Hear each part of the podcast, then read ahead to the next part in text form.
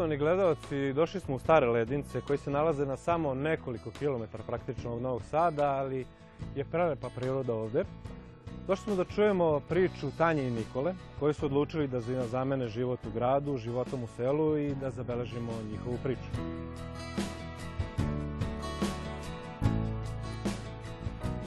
Dobar dan. Dobar dan. Dobar e, dan. poštovanje. Evo, Tanja. kako ste? Dobro, hvala, kako ste vi? Evo, dobro, hvala vam. Dobro došli. Nikola? Dobar dan. Evo, došli smo, ja sam već rekao, otprilike neku uvodnu priču gledalcima da ste vi živjeli u gradu, odlučili da se vratite na selo. Hajde ispričajte vi, da ne pričam ja umjesto vas vašu životnu priču. Možete vi, Tanja, evo za početak. Gde ste odrasli, radili, školovali se i čime ste se bavili pre nego što ste odlučili da dođete ovde u Stara Ledincu? Ja sam rođena u Novom Sadu, tamo sam odrasla, školovala se. Pa eto, 40 godina sam bila u Novom Sadu, onda sam upoznala Nikolu koji već žive u Ledincima i 2015. godine smo odlučili da dođemo ovde. Smišljali smo s čim bi se bavili. Odlučili smo eto da to bude kozarstvo, iako je za mene to bilo ovaj, sve novo. Nisam imala nikakav dodir sa poljoprivredom, niti sa domaćim životinjama. Uz njega sam eto naučila, naravno i preko interneta i edukovali smo se na razne strane kako bi danas došli do toga da ovaj, se vrlo ozbiljno bavimo ovim poslom. E, dobro, ja bih evo prošetao malo još po dvorištu čisto gledalci da vide e, prirodu u kojoj živite i koliko je prelepo ovde. Pretpostavljam da je to jedan od razloga zašto ste se odlučili da život u gradu zamenite život na, životom na selu. A, Nikola, evo vaša životna priča neka. a, Vi ste isto ovaj, jedan deo života proveli u gradu, odlučili da se vratite ovde. Kako je to teklo? Pa ja sam rođen u gradu, u Novom Sadu i živeo sam na Telepu pa do svoje neke 14. godine. Kad sam završio osnovnu školu, onda moja mama je napravila ovu kuću, 84. 5. godine, tako nešto. Onda smo se preselili ovde. Tu smo živjeli neke dve godine. Vi ste i dalje vezani delom poslom a, za grad, ali ovde ste došli pre svega da bi našli neki mir, jel tako, pretpostavljam, i počeli ste da se bavite ovim poslom, kozarstvom konkretno, proizvodnjom sira, jel tako? Pa jest. Ovde volimo prirodu, volimo šumu, volimo životinje. Tako da smo se odlučili eto, na to kozarstvo. Slučajno, do duše. Razmišljali smo čime bi se bavili, kako bi to krenulo, šta bi znali, neki životinje, ono, hteli smo hranu neku da proizvodimo. Jer ljudi stalno moraju da jedu, naravno, Da, i to je... Ovaj. To je siguran posao. Da, To je siguran posao, Svi da. moramo da jedemo, tako da eto, odlučili smo se za kozarstvo. Gledali smo na internetu neke priloge, tamo je bilo ova farma koza, Carpe Diem je bila, oni su iz Srbobrana. Pratili smo njih, Jelenu i Aleksandra, tako slučajno onda otišli kod njih, malo popričali sa njima. Oni su nam dali neki vetar u leđa. Tako da, eto, mi smo kupili naši prvi devet koza i tako smo krenuli.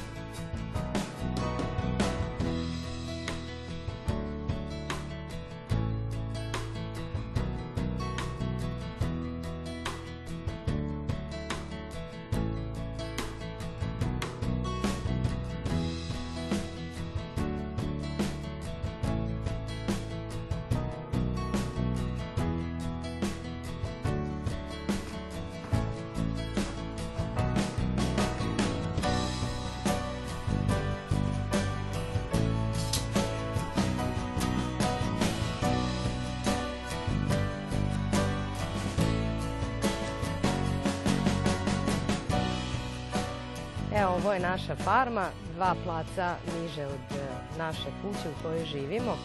I ovde je počela naša priča pre tri godine, odnosno u januaru će biti pune četiri godine. Priča o našim kozicama. 2016. godine u januaru smo kupili devet koza i započeli ovu priču. Danas, na današnji dan imamo ih 80, to ćete posle videti.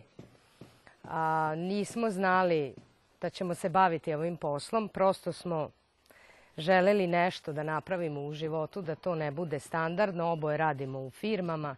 Želeli smo neki mir i odlučili smo eto da to bude kozarstvo. Da kažem neki vetar u leđa, surfovali smo po internetu, pronašli smo farmu Carpe Diem, Aleksandru, Aleksandra i Jelenu i sa njima smo, bili smo kod njih, razgovarali ovom poslu. Nama se jako dopala ta ideja da držimo koze i u stvari da se bavimo proizvodnjom, da pravimo naravno sir i ostale lepe proizvode od kozijeg mleka koji su izuzetno zdravi. A, ja, s obzirom da sam odrasla u gradu i nisam imala nikakav kontakt sa, sa selom, jako sam se plašila koza, čak sam mislila da koze ujedaju, ali ne ujedaju. Vremenom sam shvatila da su to jedne plemenite i dobre životinje. A, svo znanje koje danas imamo smo stekli pa praktično da kažem sami. Snalazili smo se na razne načine. Pričali smo sa ljudima koji su već dugo u ovom poslu. Čitali smo puno na internetu. Išli smo na poljoprivredni fakultet kad god su bila neka predavanja gde smo slušali od tehnologa, naravno i stručnih ljudi vezano e, za kozarstvo generalno. I za bolesti koza, i za pravljanje sira, i za jarenje. Znači sve, sve, sve što je vezano za koze. A danas mogu da kažem da eto imamo ipak neko znanje, iako naravno čovek uči dok je živ, ali ovaj, mogu da kažem da sad znamo i šta koze jedu i kako se jare i kako im treba pomoći i kako se pravi sir koji prvi put kad smo recimo pravili sir nismo znali kako se pravi sir i prvi sir nam nije uspeo pošto smo ga pravili od mleka koji je takozvani kolostrum, a poznato je da kozje mleko je najpribližnije majčinom mleku. Da, bacili smo jedno 15 litara mleka. Tako I onda je, sam da. na kraju nazvao čoveka od koga smo kupili koze i ja kažem koji sam ja glup toliko da ne znam da napravim sir. I onda me on pitao, kaže, kad se te koze ojarile? Ja kažem, neko pre dva, tri dana. Pa kaže čoveče, kaže, od toga se ne može da napravi sir. Kaže, taj kolostrum, kaže, to ne može da se usiri. Tako da ovaj, trebalo nam je malo vremena da uđemo u štos i da počnemo da pravimo stvarno te sireve.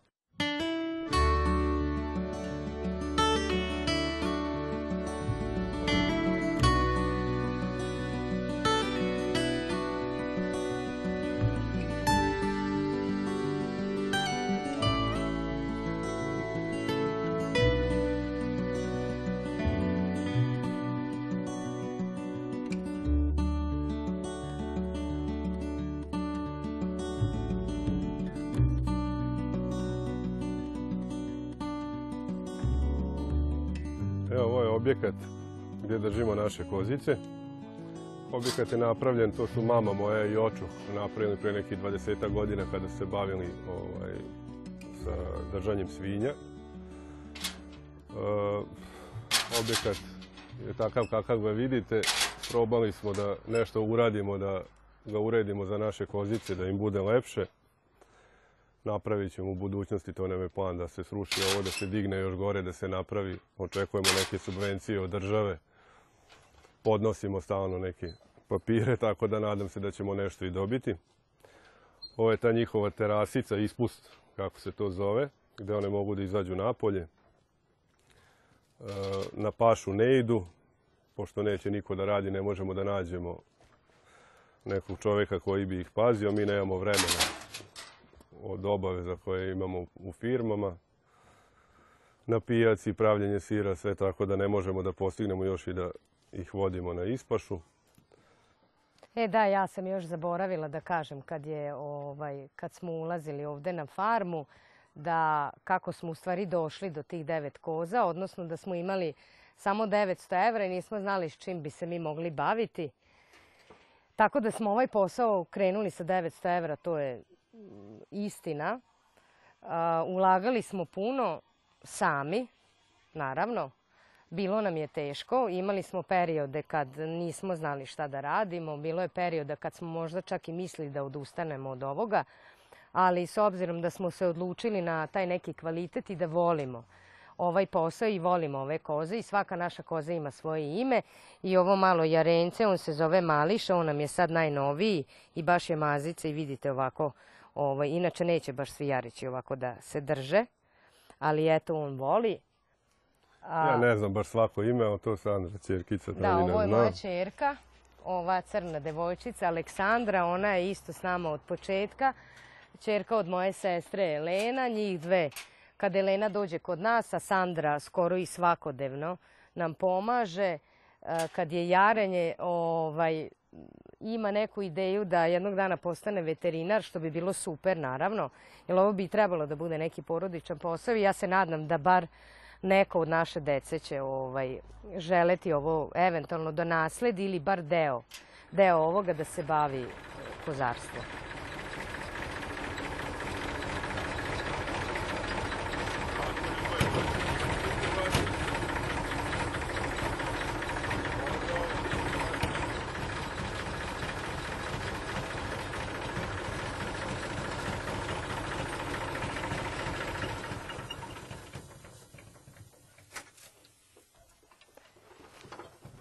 Evo vidite, ja sam naučila i traktor da vozim koji nikad nisam vozila. Ja sam vozač, ali traktor nisam nikad vozila, morate paziti. Ja sam dovezla ove bale, Nikola će sada da ih unese unutra i da vam pokaže kako se muzu koze, koje smo inače do pre dva meseca, Nikola je sve to ručno sam radio. Sada imamo muzilicu, sve se nauči, ko hoće naravno. I ništa nije problem. Idemo? Sad možemo ići da ih napravimo. Ajmo.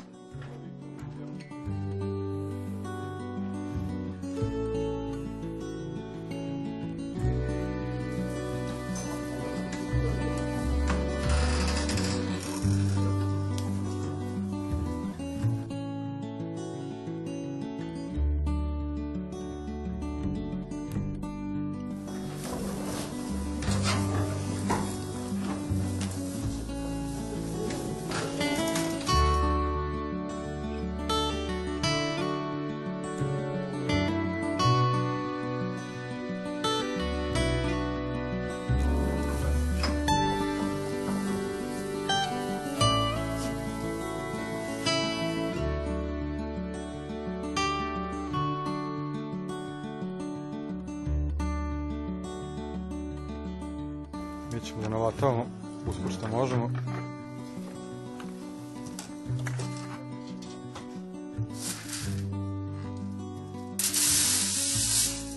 Ajmo, idemo. Idemo muža, ajde. Ajde uđi.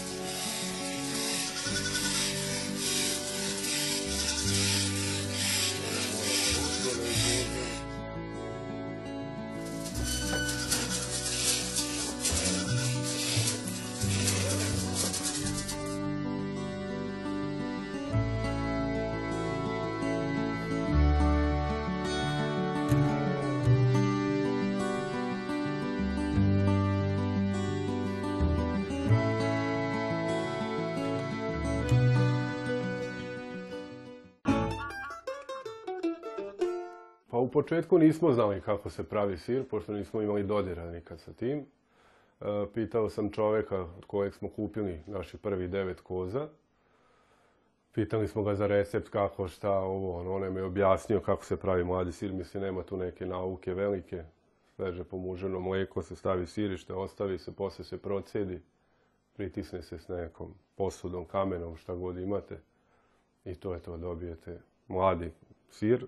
E sad ima tu više vrsta sireva, može i od kuvanog mlijeka, mi pravimo, u početku smo mi pravili od prokuvanog mlijeka, sad pravimo uglavnom od svežeg pomuženog mlijeka, mnogo je bolji sir i zdraviji.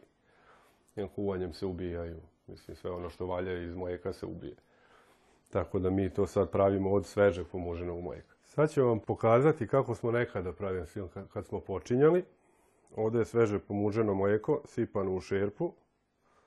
Tu ima nekih 8-9 litara mlijeka otprilike. Ovdje ima 5 kašika sirišta pomešano sa malo vode. To ćemo nasuti. Promešati. I ostaviti da odstoji neko vrijeme dok se ne usiri. S vremena na vrijeme ćemo provjeriti da li je sve u redu.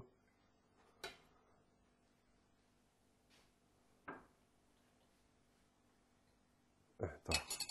Tako smo mi naš- napravili naš prvi sir pre nekih četiri godine otprilike. ovako u šerpi. Bio ovaj malo drugačiji, ovo je nova šerpa, bila je drugačija, monac je bio. Evo, posle nekog vremena, mlijeko nam se usirilo. Sad ćemo da isečemo ovu gruš. Da se odsedi još malo, surutka. Ovako na kocke.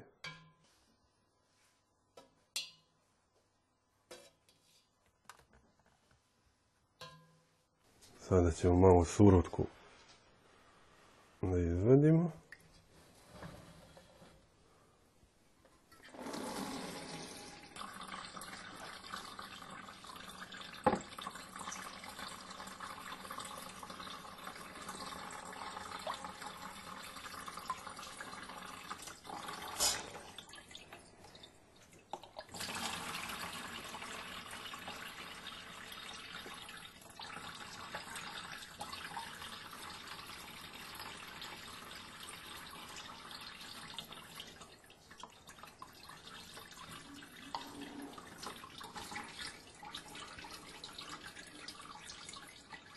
Sad to treba ostaviti da se odsedi samo od sebe i poslije ga treba pritisnuti. Na ovu količinu gruša treba jedno kila možda tereta da se stavi.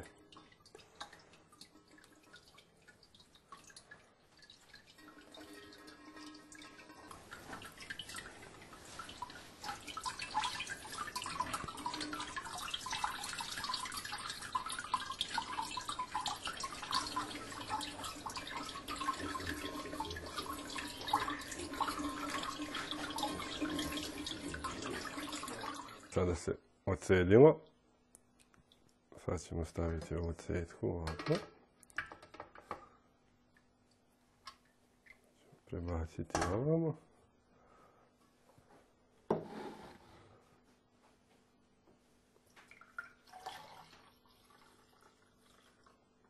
Evo, ovo je čista surutka. Evo, Dražene, možeš doći da probaš ako želiš. Ovo je domaća, čista kozija surutka. Ajde ja da probam opet. Ajde. Ja sam kao ovaj da probam. ono. Ova, lepa.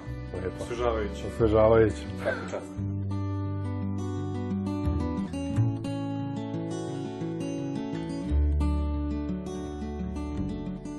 Sada ste vidjeli kako smo nekada pravili sir, a sada ćemo se ići dole u našu skromnu mlekaru da vidite kako to sad radimo i sa čim sad radimo.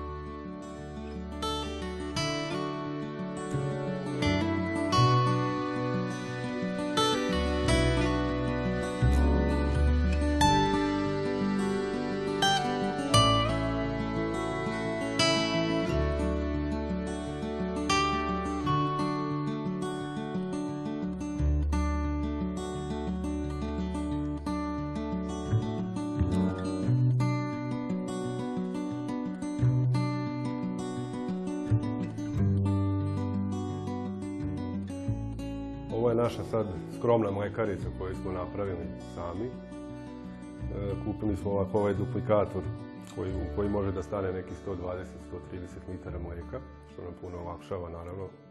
Gore bi nam trebalo jedno 10 šerpi da bi sve stavili na šporet. Ovo je predpresa ovde u koju cedimo gruš. Tamo ima dole slavenica gdje izlazi surutka. Onda ovdje stavimo, imamo jedne ploče koje stavimo tu, s ovom stegom ga stisnemo i ostavimo da stoji, tako dobijamo mladi sir. Mislim, može i polutvrdi i mladi, svejedno. Tako da, ova, ovaj duplikator nam baš olakšava, mislim, dosta nam olakšava naš posao. Verovatno će jednog dana trebati nešto veće, pošto smo dokupili još ti koza, tako da imat ćemo više mlijeka. Za sad imamo pa, treba nam dva dana da ga napunimo. Očekujemo sljedeće godine da ćemo ga dnevno puniti. I gdje ćemo imati svaki dan minimum jedno desetak, 12 kila sira.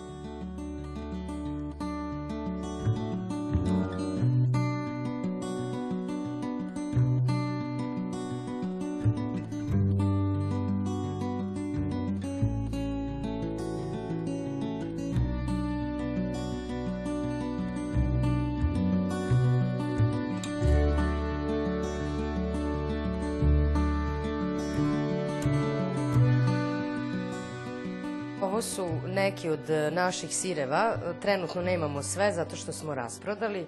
Konkretno, ovo je taj čuveni bosiljak, sir, s- kozi sir sa bosiljkom. Mi smo ga nazvali Mediteran. Specifičnog je ukusa, mnogi su ga zavoleli i baš je tražen sir. Također imamo ovaj klasik, bez ukusa. Imamo, da kažem, eto, da smo specifični i pravimo kozi parmezan, super sir, to morate probati. Imamo kozi kefir. Naravno, od ostalih proizvoda, pored ovog sa bosiljkom, imamo sa brusnicom i orasima. On je isto onako specifičan i ljudima se dopada. Sa ljutom paprikom, sa susamom. E, također e, pravimo i feta kozi sir. Od prošle godine smo krenuli da posećujemo neke manifestacije, između ostalog a, to su bili i ukusi Vojvodine gdje smo nastupali prošle godine prvi put, ove godine drugi put. Također, evo što vidite ovdje, osvojili smo srebrnu medalju na 86. Međunarodnom poljoprivrednom sajmu za kvalitet proizvoda. Jako smo ponosni na ovo srebro i za nas je to, ne znam, eto, meni je to ko dijamant, ne mogu čak ni da kažem kao zlato. To je za ovaj sir sa bosiljkom.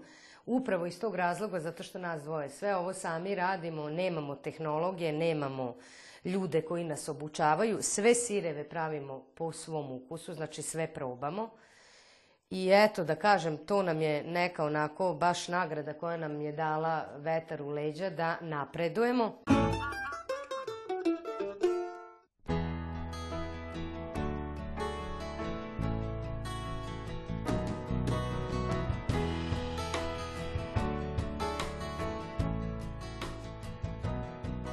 Nisam baš bila sigurna da ćemo uspeti, u stvari nisam ni sanjala da ćemo doći do ovoga što smo danas, ali u svakom slučaju a, nam je ovaj posao doneo jedan mir. A, inače, rad sa životinjama je nešto plemenito. A, Ljudi u gradu žive brzo, naravno i mi ovdje živimo, ali opet vidite ovu prirodu, uživamo u svemu tome i ipak koliko god realno smo i blizu grada, nekih 15 minuta, ali ipak ovdje imamo a, a, imamo mesto gdje a, možemo i da se odmorimo, a isto tako i da se bavimo poslom a, koji mi volimo. Pa mislim da je život na selu nešto najlepše. Mislim, ja sam odrastao na selu. E, Mislim, ja sam rođen u gradu i živeo na Telepu, ali isto sam živeo u kući. Ajde tako da kažem, taj život u kući, imaš tu neku svoju slobodu, mir. Ako nećeš da izađeš da se javi komšiji, ne moraš. U gradu, to kad sam živeo, ti ne, ne poznaješ prvo komšiju. Iako sam se ja svima javljao, ajde njoj je to bilo čudno, ja stanem pa popričam sa ljudima malo, ja sam naviko tako da, mislim, ovdje izađeš na ulicu pa svakom se javiš, popričaš, neko te nešto pita, ti neko pitaš kako je, šta ima, jeste dobri, jeste zdravi, šta. U gradu toga nema, nema te bliskosti između ljudi i mislim da bi trebali mladi da se vraćaju na selo.